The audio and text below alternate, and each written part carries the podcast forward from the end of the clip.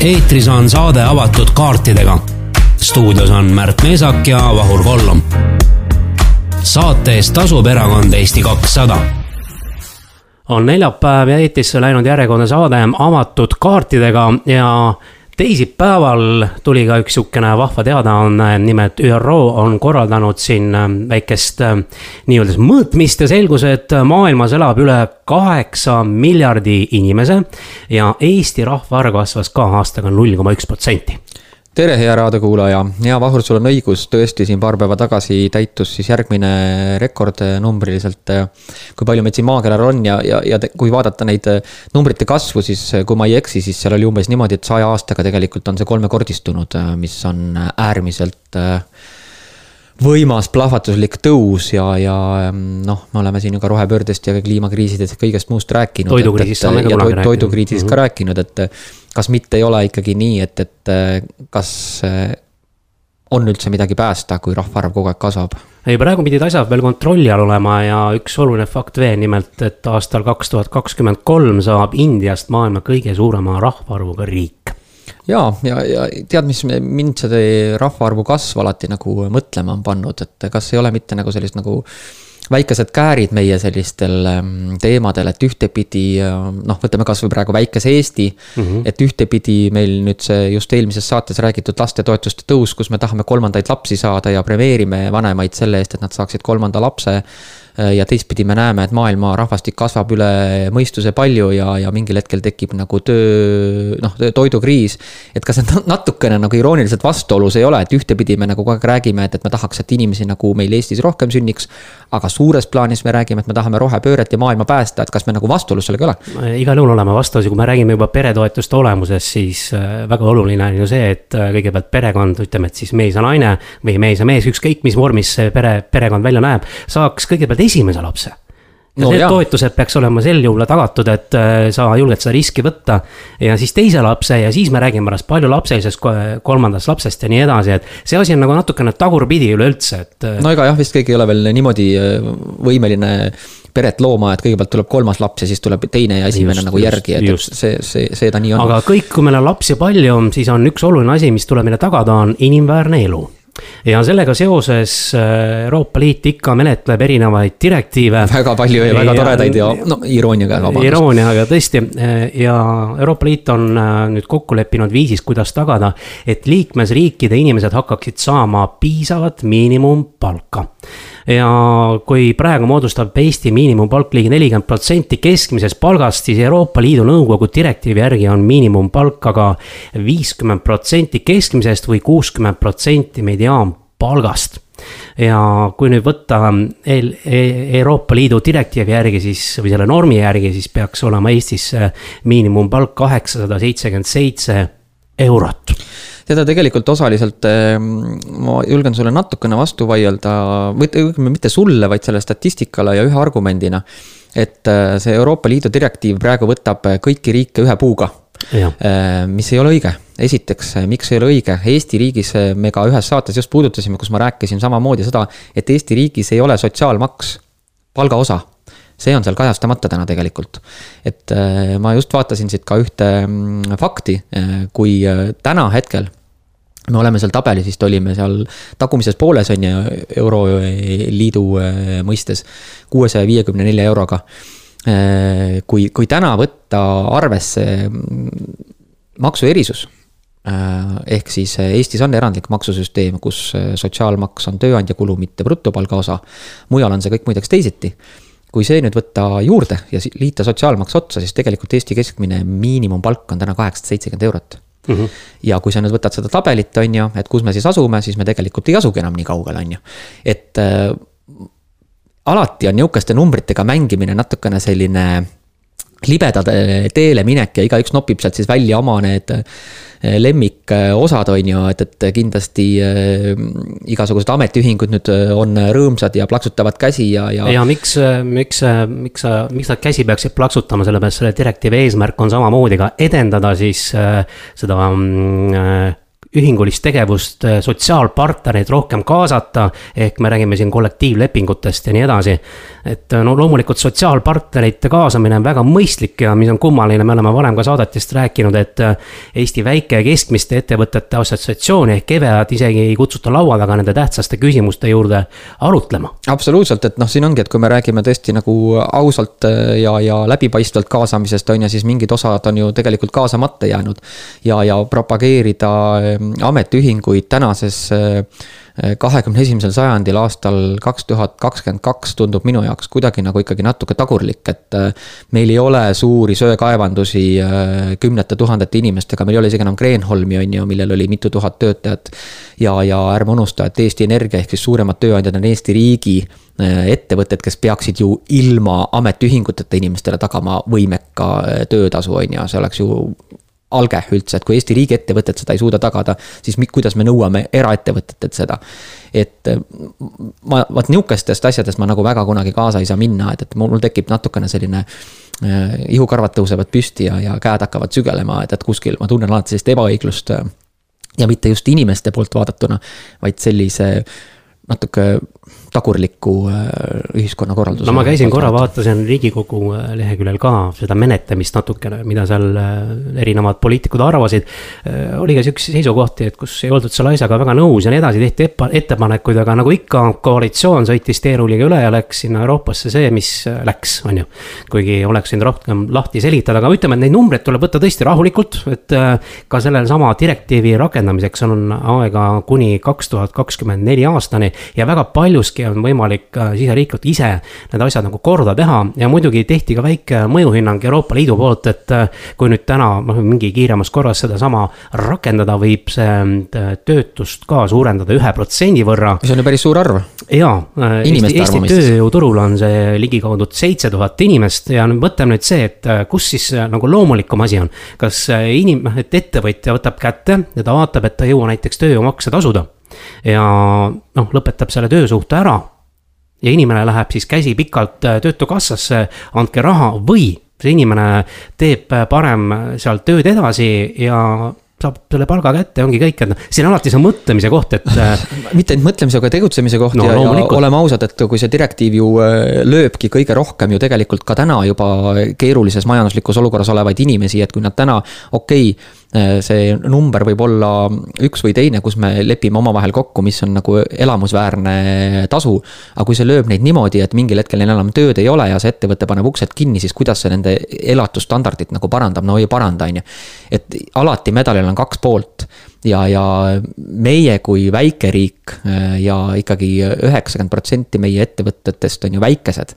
et me peaksime väga hoolikalt vaatama, et me ei lähe nagu suure lauaga lööma Äh, kõike ühtemoodi jälle, mida no, meil kiputakse tihti tegema. Äh, nende ettevõtlusvormide erisusteni välja ja maksuerisusteni ka, sest äh, noh sa tõid õigele asjale jõudsid tähelepanu, et kui on ikka väga väike mikroettevõte, siis kuidagi või, ja tegutseb Võrus, siis need maksukorraldus võiks olla natukene lihtsam, konkreetsem pigem, et soodustada inimeste ettevõtlikkust, ise hakkama saada, kui see, et me lööme kõik äh, ühe puuga. ja nii ongi, on ju, vaata ise, kuidas hakkama saad. no täpselt, ega siis, äh, kui me vaatame, võtame, kui politsei teeb sulle trahvi või äh, maksuamet võitleb ümbrikupalkadega, siis ega see on tagajärjega tegelemine mm, -hmm. mitte ennetamine. et meil kiputakse, poliitikud ja ametnikud te tegelevad alati, sest neil on siis tööd, ma saan aru, et neil on nagu rohkem tööd tänu sellele, sest kui sa algprobleemi ära lahendad, siis sul ju tööd ei ole. et nad nagu rohkem tegelevad nende igasuguste tagajärgedega võitlemisega ja siis nad äh, arvavad, et kõik on nagu õige, ei. algprobleem tuleb ära lahendada, miks näiteks Eestis osad ettevõtted maksavad ümbrikupalka. Läheme selleni, on ju, sama on see. tööjõumaksud on kallid. absoluutselt, täpselt, väga õige, täpselt niimoodi sa ütlesidki ja nii ongi või lähemegi sinna, et miks osad ettevõtted maksavad täna miinimumpalka oma inimestele. et ärme läheme seda vägisi nagu selles mõttes nagu lahendama olukorda, vaid mõtleme, et noh, mis olukorras need ettevõtted siis on, tähendab, et nad ei ole muus mõttes konkurentsivõimelised, on ju.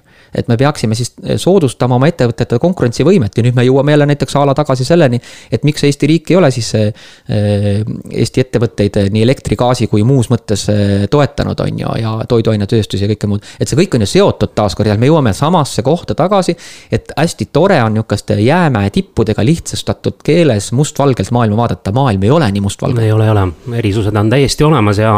ja kui me räägime juba sellest alampalgast, siis äh, väga hästi on ka juhitud tähelepanu sellele, et äh, no kujutage nüüd ette, et kui alampalk hakkab nii kärmelt tõusma. siis on väga palju asju Eestis seotud ka ju alampalga tõusuga.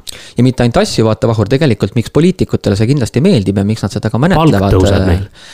ja miks eriti tõenäoliselt äh, teatud valdkonna ehk siis vasakpoolsetele see väga meeldib, on see, et, et kui tõuseb ju äh, miinimumpalk sellele lisaks, okei okay,, need on igasugused muud eh, tasud ka, aga mis juurde tuleb, riigile tuleb maksuraha juurde. sest ärme unusta, et tulumaks ja sotsiaalmaks no, hakkavad sellega ju seotud olema. ja siis saame pärast selle rõõmsasti ümber jagada. absoluutselt ja siis me saame tulla jälle ja rääkida, et oi, kui tublid me oleme ja me muretseme inimesed teie eest ja me jagame selle ümber no,. selle asemel, et hoida. kohe see raha in, in, inimestele. just, see tuleb ju läbi tarbimise tagasi ja lõpuks ikkagi maksta, näen, kui inimesel on äh, ostujõud ju suurem, et see on lihtne ju tegelikult. absoluutselt, absoluutselt. ega siis see raha kulutamata ju ei jää, on ju, ostetakse võib-olla teisi asju ka, teisi tooteid ja teine ettevõte elab. aga miks ma just äh, tulin selle miinimumpalgaga jõutud tasude ja toetuste juurde, siis äh, noh, toome kasvõi siin Tartu linna näiteks, kus olid äh, just nimelt lasteaia kohatasu ka sellega seotud, on ju, ja vanemahüvitised ja lapsepuhkuse tasud, aga ka omavalitsusjuhtide töötasud. nii et väga palju näitajaid on, et ühelt poolt keegi plaksutab selle peale, teiselt poolt jälle paistatatakse ja läheb jälle sihuke hinnaralli lahti, et. ei no ta läheb sellepärast, et ega siis, kui lõpuks ka see keskmist palka saav inimene näiteks, kui Äh, nüüd see miinimummäär näiteks jälle tõuseks tema suhte mõistes, siis ega tema hakkab ka ju tahtma rohkem tasu, sellepärast et ta tunneb, et ta on rohkem väärt, et noh, igaüks läheks ju oma tööandja juurde. kui ta täna saab nagu rohkem kui miinimumpalk ja mingil hetkel see miinimumpalk liigub tema tasu juurde, siis ta läheb ka küsima, et kuule, et aga ma ei ole ju miinimumpalga vääriline, et ma tahan juurde. ehk siis see palgaralli läheb nagu põmeki üles, aga ma tulen ikka selle algteema juurde tagasi. et mida, mida ma ka eelmises saates puudutasin, et teeme need Eesti töölepingud kõigepealt korda. ja teeme niimoodi, et ikkagi see sotsiaalmaks on ka seal näha ja see on ikkagi töövõtja eh, osa ja siis me hakkame ka Euroopa statistikas tegelikult õiglaselt Ei, välja paistma, on ju. et eh, muidu on hästi lihtne ametiühingutel või vasakpoolsetel noh, mingi positsioon võtta ilma osade faktide sisse toomata, et ma toon äh, ühe näite veel, ma korra viskasin pilgu peale sellele samale eelnõule ka. no direktiivide eelnõule, siis. Seal oli ka väga huvitav argument välja toodud, ma väga nagu argumente ei leidnud selle kohta, et noh, loomulikult inimväärse elu tagamine. jutud juures, et on, kõik on õige. Ja siis äh, ka see, et ähm, mis see siis nagu kaasa toob, et jah, et võib-olla noh tekib töötus siin ja seal, ettevõtjad võib-olla kaotavad oma konkurentsivõimes siin ja seal. aga siis toodi välja argument, et aga äh, inimesed hakkavad rohkem palka saama ja läbi siis tarbimise saavad selle raha nagu tagasi. et noh, ma ausalt öeldes väga nagu põhjapanevat äh, motivatsiooni sealt ei leidnud kuigi on Euroopa Liidu põhialustes teatud asjades kokku lepitud, et varem või hiljem oleks see direktiiv nii ehk nii tulnud. no ma saan sellest aru, et tegelikult Eesti vist taotleb seal ikkagi praegu ka erisust, on ju, et, et meil see, meie, meie see süsteem säiliks, kus siis tööandjad ja töövõtjad selle kokku lepivad, aga siin on ikkagi jälle üks väike probleem on selles, et kõiki tööandja esindajaid ei ole sinna kaasatud, kes turu mõistes nagu EVEA mõistes siis peaks seal olema. no juhime tähelepanu nagu sellele asjale, et, et kui Eestis on need tasud nagu on, me peame lähtuma ka sellest, milline on meie ettevõtete võimekus ja konkurents. et me ei saa kohelda ju päris nagu Saksamaad ja Eestit ühe mõõdiku järgi, seda enam, et siin tänasel päeval täiesti konkurentsivõimeline inimene ja neid on väga palju, kes lähevad hoopis teistesse Euroopa Liidu riikidesse tööle, võib-olla peaks hoopis olema riigile ja Eesti riigile mingi meede, mis muuseas seda väärtust toob siia kuidagi numbrites tagasi. ja, ja noh, väga õige, et võib-olla, kuidas me selle teema kokku tõmbame, ongi see, et, et ähm, Euroopa Liidult tuleb alati äh, neid direktiive tõenäoliselt veel ja veel. aga meie siin talupojamõistusega peaksime ikkagi nendesse vaatama nagu kriitilise pilguga ja kas siis tõesti taotlema era, erandit. või siis vaatama sellele algjuurele otsa, mitte sellele tulemusele. no kahtlemata tuleb ka Euroopa Liidu suunas olla ka nõudlikum, et me ei saa igale asjale pitserit alla lüüa, me peame lähtuma ka tänasest olustikust ja järjest rohkem, sest me oleme tegelikult ju piiririik äh, mõnes mõttes äh, võib-olla seal Itaalias jaoks oleme me tühermaa kuskil. et noh, me peame alati neid asju ka märkama, nendele ka rõhuma. Äh, et meil oleks tagatud teatud või võimalused ja vahendid ja, ja loomulikult on kindel fakt see, et, et kõikidel Eesti inimestel peab olema elamisväärne töötasu. ja elamisväärne võimalus ühiskonnaelus kaasa rääkida, käia teatris, kinos ja, ja kultuurist osa saada.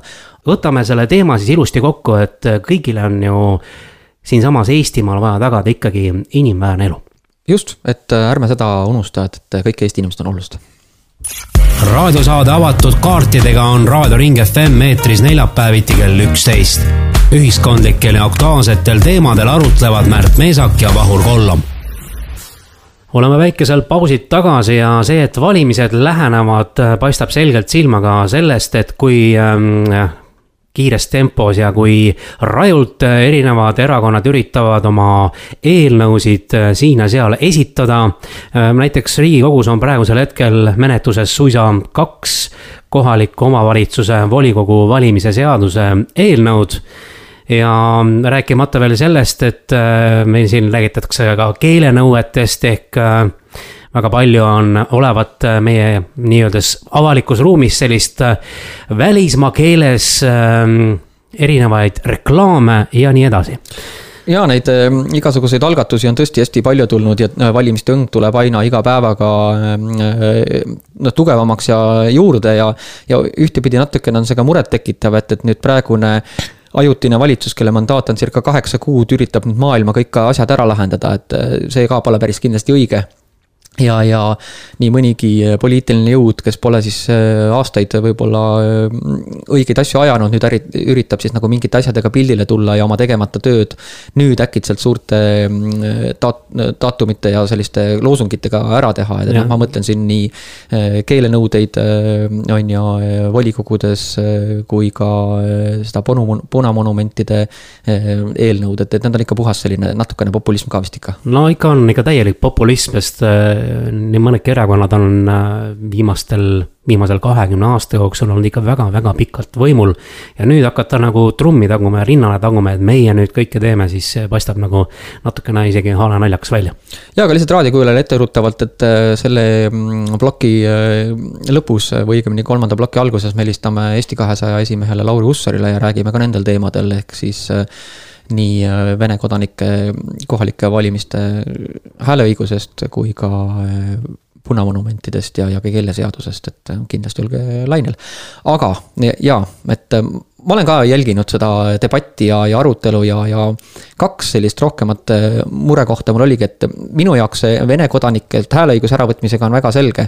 et äh, ma kindlasti leian, et see peaks nii olema, et, et äh, inimene, kes saab valida ka Vladimir Putinit, saab valida ka minu kohalikku volikogu, et, et ma kindlasti sellega nagu nõus ei saaks olla. et ikkagi inimene peaks valima selle poole, et kus ta siis kodu on, et ei saa olla niimoodi, et ma kõikides maailma otsades saan valida ja öelda, et kõikjal on minu kodu, et ei no, ole siin ma, Märt, nõustun sinuga sada protsenti ja olen ka seisukohal, et äh, kui sa oled siin, eriti need, kes on pikka aega Eestis elanud, tee see valik nüüd lõpuks ära ja, ja hakka Eesti kodanikuks, õpi keel ka ära, kui vaja just, et, et noh, okei okay,, keel, ma saan aru, et see on raske, on ju, mis loomulikult võiks keele ära õppida, aga see, selle taha pugeda kindlasti ei saa, et, et kui.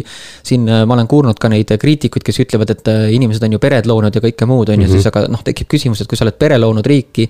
ja sa ei jaga selle riigi väärtusruumi ja, ja sa tahad ikkagi valida äh, idanaabri presidenti, siis sa ei ole ikkagi seda koduks ju veel pidanud, et kodu on ikkagi see, kus sa lood pere, mille väärtusruumi sa jagad ja lõpuks siis saad sa ka kaasa rääkida kohaliku elu küsimustes. jaa, selle kodu kohaliku elu küsimustes ja valik ongi, et kus see sinu kodu on siis, kas see kodu on siin Eesti riigis ja sa saad valida kohalikku omavalitsust.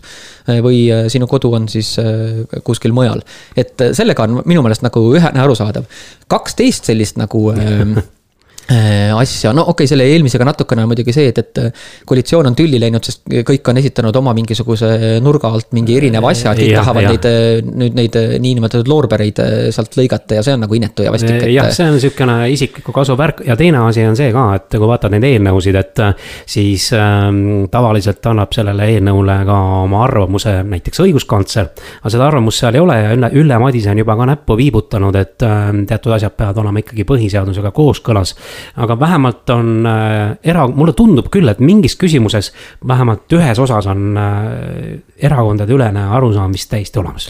ei no eks ta ikka on, ega me kõik saame ju aru, et, et Ukraina mm, sõda käib, on ju, noh, ma ei ole nüüd kindel, kas kõikidel erakondadel, sest nii mõni erakond on siin väitnud, et nad ei ole Ukraina ega Venemaa poolt, nad on rahu poolt. et aga noh, ma arvan, et nagu mm, progressiivsete erakondade ja, ja maailmapildist laialt aru saavad. kaine mõistus lõpuks võidab. jaa, et kaine mõistus, mõistus lõpuks võidab.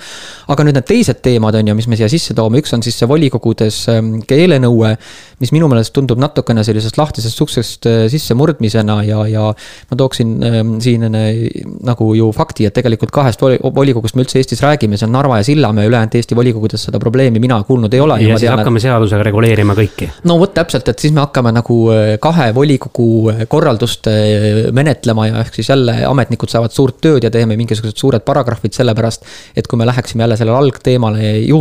Vot no, siin ma küsin ka kohe sinu käest, Märt, et äh, on sul äh, gümnaasiumi või põhikooli lõputunnistus kuskil olemas, et millega saad tõendada, et sa ikka eesti keelt oskad? ja, ja no just täpselt Kristina Kallas viskas selle kohta tegelikult hea, hea nalja ka, et noh, et põhimõtteliselt hakatakse, nagu sa tõid näite, kahe omavalitsuse puhul sellist asja korraldama, mis toob ju rämedat bürokraatiat juurde. absoluutselt, et ma tõesti ei kujuta ette, kuidas hakatakse nagu kõikidelt küsima, et, et kus on sinu eesti keele tunnistus. et sa lähed nagu valimis Äh, komisjoni juurde ja siis mitte sul ei ole seal liikmeks astumise avaldus, vaid sul on nagu eesti keele tunnistus.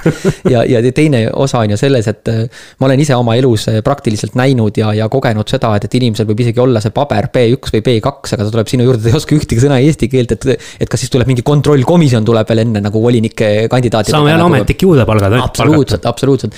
et, et, et see on ikkagi selline nagu kuidagi nagu jabur teema, et, et mina arvan, et see eelkõige see vastutus ikkagi langeb sellele kandidaadile endale ja kui inimene, kes on andnud nõusoleku kandideerida ja kui ta ei oskagi seda Eesti riigikeelt ja valija annab talle mandaadi, siis tema kohus on õppida see keel ära, sest ta ei saa muidu oma valijatele antud mandaati kasutada, on ju, sest ta ei saa ju nende valijate õiguste eest seista. esindab neid, on ju, et äh, vaja on esitada eelnõusid, vaja on äh, esitada küsimusi, võib-olla ka mingeid äh, päringuid kuhugi ministeeriumisse, see tuleb ju koostada selges eesti keeles. absoluutselt ja kui ta ju kandideerib, siis ta annab endale aru, et ta ei saa pärast, kui ta osutus valituks, nõuda, et nüüd tehtagu talle tõlk tõlkida ja tõlk, tõlke mingid teenused ja tehtagu talle tema riigikeeles või tema emakeeles olev volikogu. ei ole nii, kui sa kandideerid ja osutud valituks, siis sa ju räägid selles keeles, kuhu sa kandideerisid. ja, ja sa elad Eesti Vabariigis ja siin tuleb eesti keelt osata. täpselt ja sa lihtsalt ei saa muidu olla täieõiguslik ühiskonnaliige, kui sa seda keelt ei oska, nii et, et ma arvan, et ikkagi alge on seal, mitte selles, et me hakkame nüüd kõiki jälle bürokraatlikult kuidagimoodi ühe lauaga lööma ja siis loodame, et, et linnukene on kirjas enne valimisi, me saame sellega tegeleda, näidata, et me oleme nii eestimeelsed, aga probleemi olemus kui selline jääb ju lahendamata. Jah, no eks neid eelnõusid ole isegi rohkem kui üks, ka seesama punasümbolite teema tuli ka jälle päevakorda, ehk siis hakkame muutma ehitusseadust ja ka sellises kiirkorras, vahetult enne valimisi. ja ma saan aru, et nii paljud, nii mõnigi muinsuskaitsja on ka öelnud, et oot-oot-oot-oot, ehitusspetsialistid on veel vaikinud. et sellega ka luua, minnakse nagu lahtisest uksest mõnes mõttes sisse, selge on see, et teatud noh, ütleme, et punasümbolid, asjad peavad meie ruumist kaduma, aga teatud õpetlik osa peab alles jääma, mõni on tõesti äh, ajalooline noh, mälestis on ju. ja sinna tuleb lihtsalt silt juurde panna, et vot sellised lood, vot selline aeg oli ja selliseid hooneid näiteks ehitati. ei no loomulikult, et ega siis me otseselt ei saa ju arhitektuuri mõistes ajalugu ümber kirjutada, et eh, noh, mina kutsuks siis üles neid samu eelnõu algatajaid, et palun, ma sooviks, et Eesti Vabariigist lammutatakse ära kõik hruštšovkad, mis lihtsalt nii koledad on. et need on ju ka Nõukogude Liidu sümbolid tegelikult no, on ju. jõuame absurdini on ju. on ju, et ärme nagu Äh, jälle enne valimisi nagu lolliks ennast mõtle, et, et äh, loomulikult, kui kuskil on mingisugune monument, kuhu on peale kirjutatud äh, tuhat üheksasada nelikümmend üks ja siin võitlesid kangelased, on ju, ja viisnurk on seal peal, siis seda ei tohi Eesti Vabariigi avalikus ruumis olla, sellepärast et see ei ole meie ajalooga kooskõlas, on ju. aga kui kuskil mingisugusel, ähm, ma ei tea, viiekümnendatel ehitatud majal on ilus arhitektuuriline välimus ja seal lihtsalt on, ma ei tea, mingi ornamentika natukene nagu võib-olla Nõukogude Liidu Liidu sümboliga sarnane, siis see ei ole ju kuidagimoodi ülistav sellel teemal, on ju. et siis ma räägin, lammutame Hruštšovkad maha, sest kõik mälu, mälu, mäletavad ja meenutavad ju Hruštšovka aega. on ju, kuuekümnendaid, seitsmekümnendaid no,. see ongi see, et äh, väga paljuski meie ministrid ka tegelevad mingite pseudotegevustega. No, toome näite meie juris, justiitsministri tema tegevus peaks olema ju see, et ülereguleerimine noh, muutuks vähemaks, ehk äkki analüüsiks, kuidas saaks ühte seadust kehtestades kaks seadust nagu ära kaotada, on ju. see just. peaks olema see tema põhitegevus, mitte tegeleda mingisuguse ehitusseaduse muudatusega ja selliseid algatusi on siin küll ja veel, mida viimasel ajal tehtud on. ehk lugupeetud justiitsminister, palun hakka tööle, tee seda mida sinult tegelikult oodatakse? no väga oluline, mis ju on äh, justiitsministeeriumis toppama jäänud, on erakondade rahastamise järelevalve seaduse äh, pikalt veninud äh, muutmine ja nendele õiguste andmine, et, et erakonnad oleksid äh, läbipaistvamad ja, ja ei sahkerdaks. see eelnõu millegipärast ei liigu kuhugile, aga mingisugused jaburad muud asjad tulevad enne valimisi ekraanile. justiitsminister on pannud selle eelnõu lihtsalt kalevi alla. ja, ja ta ei ole ainukene justiitsminister, see on pikalt seal tegelikult osaliselt kalevi all olnud, olles kunagi ka ERJK komisjoni komisjoni liige, ma mäletan juba äh, umbes äh, ma ei tea, kuus-viis aastat tagasi oli täpselt sama jutt, et millegipärast ta ei liigu kuhugi edasi, et, et äh, vot nende teemadega ei tegeleta.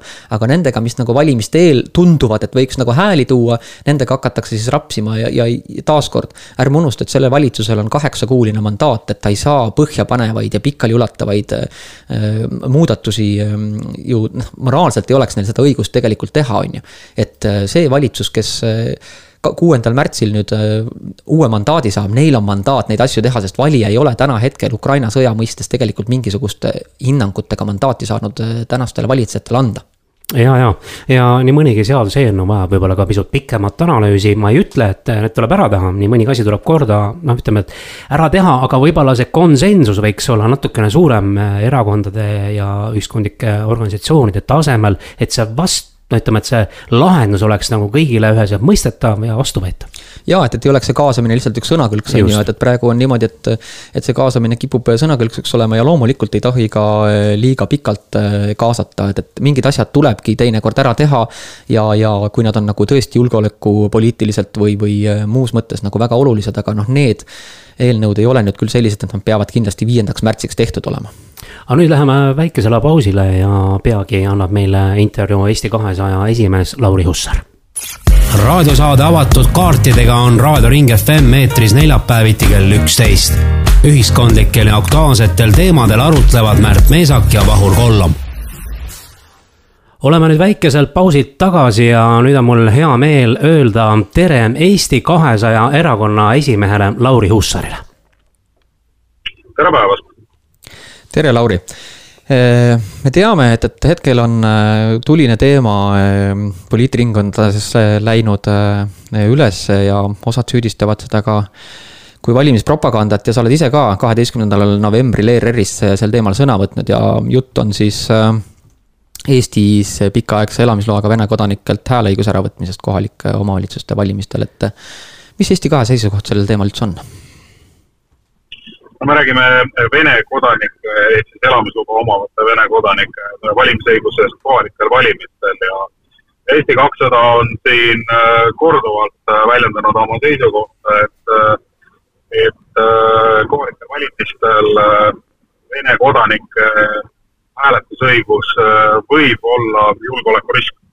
ja, ja seda väga mitmel põhjusel, äh, et, et kõigepealt, kui me räägime sellest, et et meil on äh, ligi seitsekümmend tuhat Vene Föderatsiooni kodanikku, kellest võimalik, et ligi pooled, isegi rohkem kui pooled võivad, võivad tulla oma seisukohta kohalikel valimistel väljendama, et, et siis see, see inimeste hulk, kes võib välja tulla, on ikkagi märkimisväärne ja sellisel juhul äh, Äh, me peame kindlasti arvestama ka sellega, et, et need inimesed elavad pisut teistsuguses inforuumis, kui äh, oleme seda meie. Äh, nad kindlasti jälgivad väga tähelepanelikult ka Venemaa meedias toimuvat ja seetõttu on avatud ka kindlasti Venemaa meediast tulevatele mõjutustele.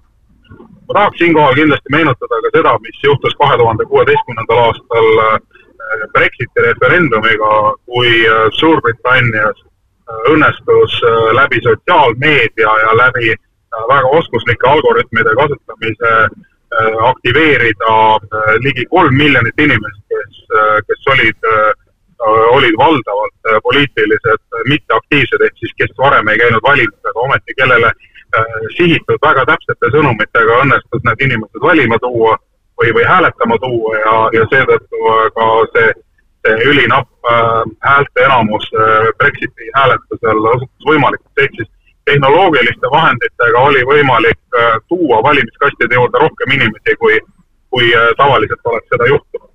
et kindlasti kõiki neid tehnoloogilisi ja sisulisi riske arvestades on tõenäoliselt mõistlik ka see, et Vene Föderatsiooni kodanikud käimasoleva sõja ajal ei peaks omama õigust hääletada kohalikel valimistel Eestis kohalike volikogude koosseisude üle saame õigesti aru, et Eesti kakssada toetab ainult konkreetselt siis Eesti elamisloaga Vene kodanikelt hääleõiguse äravõtmist ja ei laienda seda õiguse äravõtmist siis suuremale ringile me täna räägime siiski Vene kodanikest äh, ja Vene Föderatsiooni kodanikest. Äh, kolmandate riikide kodanike puhul on see pilt äh, oluliselt laiem ja ma arvan, et, et, et, et, et antud juhul see probleemi kese on seotud Vene Föderatsiooni kodanikega ja sellest lähtuvalt ka, ka meie seisukoht on kujunenud. ma tooksin ühe, ühe olulise aspekti siia juurde veel nimelt, kui me vaatame siin viimaste nädalate uudiseid, kus räägitakse sellest, et et kolmandate riikide kodanikud äh, võidakse kutsuda Vene armeesse. Äh, antud juhul äh, selle sõjalise konflikti raames võib juhtuda, et Vene Föderatsioon saadab Ukrainasse kolmandate, kolmandate riikide kodanikke sõdima, siis, siis Äh, selle uudise valguses äh, on, on juristid hakanud arutlema ka selle üle, et Vene Föderatsiooni põhiseadus äh, võimaldab ka Vene Föderatsiooni kodanikele seada väga konkreetseid kohustusi, isegi siis, kui nad on Nad elavad väljaspool Vene Föderatsiooni piire ja, ja me ei saa täna välistada ka seda, et Vene Föderatsiooni Äh, võimud võivad, võivad eeldada või, või, või kirjutada ette ka Vene Föderatsiooni kodanikele väljaspool Vene Föderatsiooni elavatele Venemaa kodanikele mingisuguseid käitumismudeleid või malle. ja, ja juba ka ainuüksi selliste, selliste võimaluste ärahoidmiseks äh, tasuks väga tõsiselt kaaluda Vene Föderatsiooni kodanike kodanikelt kohalikel valimistel selle valimisõiguse äravõtmist, et, et lisaks, lisaks viitab sellele võimalusele ka Vene Föderatsiooni põhiseaduse, ma ei, ma nüüd ei mäleta, kumb paragrahv, kas paragrahv viiskümmend seitse või viiskümmend kaheksa, nii et et, et siin on ka juristidele pisut, pisut tegevust mõelda, et, et mida see Vene Föderatsiooni põhiseadus täpselt siis Vene Föderatsioonile seoses oma kodanike välismaal viibimisega lubab. Aga antud eelnõu kriitikud, ma tean, et nad on kahte asja nagu puudutanud, üks ongi see, et, et vastupidises julgeolekuriskis, et kui me neid inimesi nagu siin ärritame ja või meilt midagi ära võtame, siis nad võivad rohkem Eesti riigi peale pahased olla ja on ka ju väidetud seda, et kui me alati tunneme muret, et mittekodanikel pole Eestiga mingit seost, et me võtame selle viimasegi ja vähese ära, mis neil on, et mis sa selle kohta ütled? antud juhul me ei räägi ju mittekodanikest, vaid me räägime Vene Föderatsiooni kodanikest, et Vene Föderatsiooni kodanikel on, kui nad on Eestis elanud pikaajaliselt, on, on võimalus ka Vene Föderatsiooni kodakondsusest loobuda. Neil on võimalik teha ära keeleeksam, teha ära kodakondsuseksam ja taotleda Eesti Vabariigi kodakondsust Eh, ehk siis eh, neil on kõik need võimalused olemas ja, ja, ja, ja, ja siis on õhus küsimus, et miks nad ei ole neid võimalusi kasutanud, et, eh, et ma antud juhul neid argumente väga tõsiseks ei võta, et meie jaoks on kõige olulisem täna ikkagi julgeolek ja julgeoleku aspekt just, just selles mõttes, et me peame arvestama, et meie kõrval on üliagressiivne sõda pidav ja sõjaks valmistuv naaber, kelle suhtes me peame olema sada protsenti tähelepanelikud keegi kuskil ütles ka, et, et ma just äh, lugesin, et, äh, et kui me usume Ukraina võitu, et siis me ei peaks sellega üldse tegelema, sellepärast siis on mure laua pealt maas, et, et äh, kas sellel võib tõepõhi all olla? noh, antud juhul ma, ma arvan, et meil ei saagi olla teistsugust seisukohta kui ainult see, et Ukraina võidab selle sõja ja, ja, ja selle nimel on Eesti, ma usun, et et ühena, ühena kõige enam panustanud riikidest äh, ka väga selgelt väljendanud oma seisukohta, et, et mida meie usume, et kuidas see konflikt lõpeb, aga täpselt samamoodi nagu Eesti peaks suhtuma Ukraina abistamisse äh, kogu läänemaailm ja, ja kõik äh, demokraatiat uskuvad ja toetavad riigid ja just, just see, just see demokraatlike riikide tugi on see, mis, mis aitab täna Ukrainal äh, seda sõda võita ja ütleme nii, et kõik märgid näitavad, et, et see sõda ka, ka selles suunas liigub, sellepärast et et, et mida üha, mida päev edasi, seda rohkem me, me kuuleme ka uudiseid sellest, kuidas, kuidas Vene äh, rinne on, on ühes kohas või teises kohas lihtsalt kokku kukkunud. ja, ja nüüd on lihtsalt küsimus selles, et, et milline on Ukraina võimekus oma oma territooriumil edasi liikuda ja oma, oma territooriumi võimalikult kiiresti vabastada no vähemalt üks on selge, et Eesti kahesajal on väga konkreetne seisukoht selles osas, mis puudutab Vene kodanikke ja nende valimisõigust. aga Riigikogus on menetluses üsna mitu äh, eelnõud kohaliku omavalitsuse volikogu valimise seaduse muutmiseks ja ma vaatasin, et nendele eelnõudele otsa, äh, seal ei ole isegi arvamust küsitud näiteks õiguskantslerilt, sest õiguskantsler on olnud ka üsna kriitiline nendes küsimustes äh, kui me nüüd räägime sellest äh, keelenõudest, mis on seotud kohalike omavalitsuste volikogude valimisel ja, ja selle esitamisega, et siis see, see eelnõu tekitab kindlasti palju rohkem küsimusi, sellepärast et see on, see on seotud pisut teiste tahkudega kui, kui siis julgeolekuohud, vaid et see on, see on seotud kohalike omavalitsuste toimimise ja, ja võib-olla ka selle, selle, sellise sisemise, sisemise töökorraldusega, et, et antud juhul täna kehtiv seadus näeb ette seda, et, et töökeel Eesti kohalikes omavalitsustes on eesti keel ja, ja on väga kahju, et, et, et seda seadust on rikutud. kui, kui seda seadust ei oleks rikutud, siis antud juhul ei olekski mitte, mitte millegi üle arutleda, aga peaasjalikult me räägime täna siis kahest, kahest volikogust, mille puhul on õhus küsimus, et, et kas töökeel on eesti keel ja kas, kas valitud rahvaesindajad saavad eesti keeles rääkimisega hakkama. Need on siis Narva ja Sillamäe Äh, mis puudutab nüüd äh, Narva linnavolikogu, siis ma tean, et Narva linnavolikogu on teinud äh, täna, täna enda poolt kõik selleks, et, et töökeeleks kujuneks eesti keel, et eestikeelsed arutelud oleksid need, mille põhjal siis otsuseid langetatakse Narva linnavolikogus. ja, ja, ja siin osas on kindlasti, kindlasti juba siin ütleme viimase paari kuu jooksul väga selgeid samme astutud. mis puudutab nüüd seda äh, seda keeletsensust äh, kohalikel valimistel, et, et me hakkame kandidaadilt küsima äh, seda keeleoskuse nõuet, siis, selle eelnõu kõige nõrgemaks kohaks on äh, selle keeleoskuse tase, mida kandidaadilt nõutakse. et kui juba, kui juba ühel hetkel hakata kandidaadilt keeleoskuse taset nõudma, siis kõige madalama keeleoskuse tasemega nõude sissekirjutamine seadusesse ei muuda mitte midagi et, äh, et sellisel juhul noh, me peame rääkima ikkagi äh, väga palju, väga palju konkreetsemast ja selgemast, äh, selgemast keelenõudest, et, et lihtsalt linnukese, linnukese pärast tegemise pärast ei ole mõtet sellist eelnõud menetleda.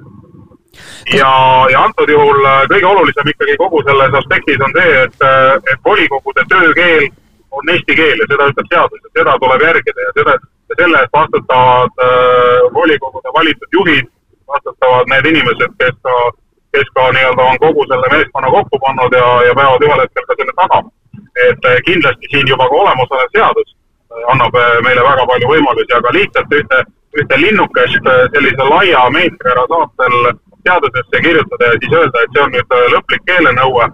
Et, et, et see, see tundub lihtsalt kummaline ja siis, ja siis mul tekkis sellega seoses veel üks küsimus, et, et mina, kes ma olen valitud kohalikku volikogusse, et kas ma pean nüüd hakkama oma keeleoskust tõestama kellelegi seoses sellega, kui ma esitan oma, oma dokumendid kohaliku omavalitsuse volikogu valimistel, et, et see mulle tundus ka nagu pisut kummaline, et, et kuidas sellisel juhul selle, selle keeleoskuse tõestamine või, või, või tõendamine käib, et, et antud juhul noh minu jaoks see muudab lihtsalt nagu olukorra natukene nagu halenaljakaks ja isegi bürokraatlikuks.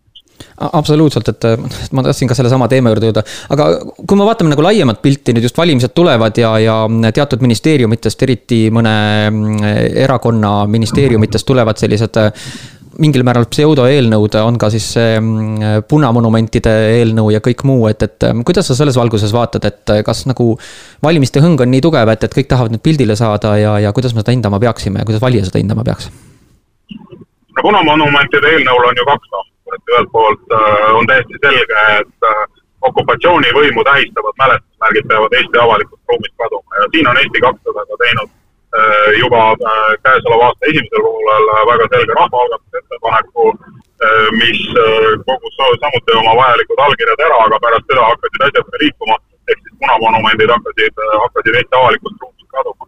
ehk siis punamonumentide koht kindlasti Eesti avalikus ruumis ei ole, kui me nüüd räägime mingisugustest arhitektuurilistest punasümbolitest, mis on mingite majade peal, et siis siin on ka ju avalikus diskussioonis jõutud täna väga kaugele.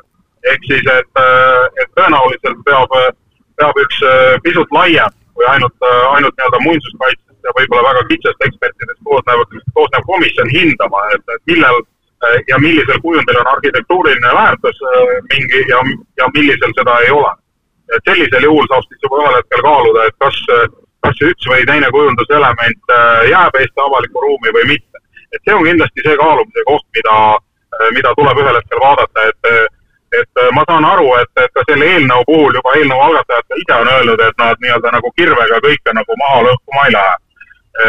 aga siin nüüd tulekski nagu selles avalikus diskussioonis väga targalt, väga targalt tegutseda, et, et kahjuks on siin juba läinud ka, ka suusad risti päris paljudel, et et kuni selleni välja, et tõenäoliselt ka kultuuriministri esimene hinnang või avaldus selle eelnõu peale ei olnud just kõige õnnestunum ja ja selle asemel, et selgust tuua, tegelikult hoopiski segas vett, et ma saan aru, et valimised on tulemas, aga kaine meel ja, ja konkreetsed seisukohad ja võib-olla selline, selline kalkuleeriv kaine mõistus võiks ikkagi, ikkagi võitu saada, vaatamata sellele, et valimised on paari kuuest ukse ees no eks, eks see eelnõu ole paljuski seotud ka just nimelt valimistega ja, ja selline mm, pos, positiivsete punktide otsimine käib siin ja sealpool.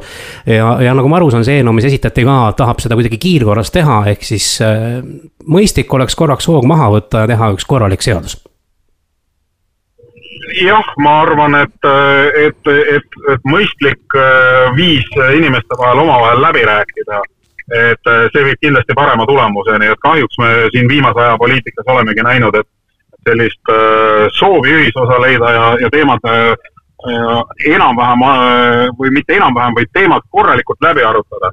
et seda soovi on kahjuks Eesti poliitikasse jäänud liiga vähe ja sellele juhtis tähelepanu ka, ka president Alar Karis oma isadepäeva kõnes, et, et kõigil tasuks pisut rohkem mõelda sellele, et et kuidas me, kuidas me suudame nüüd vaatamata teravale valimisvõitlusele leida ka selle ühisosa, kuidas siis äh, ka kõige parema tulemuseni jõuda nii, et, et, et, et poliitilised jõud äh, ei saa mitte ainult tähelepanu, vaid et Eesti ühiskond selle poliitilise tegevuse tulemusena saaks kõige parema tulemuse kuule, aga aitäh ja lõpetuseks äh, ma võib-olla küsiks, et me teame, et äh, tänane peaminister on öelnud, et see valitsus äh, Vene kodanike hääleõigust KOV valimistel ära ei võta, et kas Eesti kakssada peale Riigikogu valimisi, kui on valitsuses, teeb selle ära? see, kui jah, et see on päris huvitav, mida Kaja Kallas on varem öelnud, sellepärast et Kaja Kallas on oma seisukohta nüüd korrigeerinud ja tulnud või tema erakond on tulnud Riigikogus välja uue ettepanekuga, et ma huviga ootan siis, äh, milline seisukoht peale jääb, et, Reformierakond on, on tulnud välja nüüd ka uue ettepanekuga ja, ja see, see näeb ette siis äh, Vene, Vene kodanikelt hääleõiguse äravõtmist, et, et elame-näeme, ootame, ootame siis Reformierakonna seisukoha ja käitumise siinkohal ära. selge, aga aitäh, Lauri Hussar! raadiosaade avatud kaartidega on Raadio Ring FM eetris neljapäeviti kell üksteist ühiskondlikel ja aktuaalsetel teemadel arutlevad Märt Meesak ja Vahur Kollam. ja olemegi jõudnud saate viimase ploki juurde, tänases saates sai palju asjalikke teemasid äh, käsitletud ja mida valimistele lähenema, lähemale me läheme, seda rohkem ma kujutan ette neid siuksi populistlikke loosungeid ja tegevusi me saame siin ka oma saates analüüsida jah, ega ta nii väga mahur plokk ei olegi, kohe tõmbame saatele otsad kokku ja, ja, ja jätame raadiokuulajatega hüvasti ja kohtume nädala pärast. aga jaa, et ma arvan küll, et, et eks meil saates ka tuleb neid teemasid veel ja veel ja ma arvan, et me peame neid puudutama ja ka nendest rääkima, mis siis, et nad on populistlikud, aga tooma ka seda kainet meelt siia kõrvale, et, et päris nagu enne valimisi me sellele libedale teele ei läheks, et me kõike, mis loeme, kohe kullaks peame. no seda me ei ole üheski saates äh, teinud ka, vaid valinud välja need teemad, mis on ka vajalikud kajastada ja mis ühiskonda ka kõnetavad. kahtlemata jõuame ka riigireformi teemadeni ja korruptsioonini. ja neid teemasid on rohkem kui üks, millest me veel järgmistes saadetes saame rääkima. just, nii et Aga... kui raadiokuulaja soovib äh, meile mingeid teemasid algatada, siis olge lahked, ikka meie meiliaadressid on samad, mart.meesak, et äh, eesti kakssada punkt ee ja vahur punkt kolm, et eesti kakssada punkt ee nii et lahkelt oleme teie kirju nõus lugema ja ka teemasid äh, saatesse võtma. ja kui tahate meid jälgida, siis leidke meid üles Facebookist, meie leht on avatud kaartidega, pange see sõnapaar siis otsingumootorisse. aga tänaseks lõpetame ja kohtume juba järgmisel neljapäeval. kohtume nädala pärast eetris on saade avatud kaartidega. stuudios on Märt Meesak ja Vahur Kollom. saate eest tasub erakond Eesti kakssada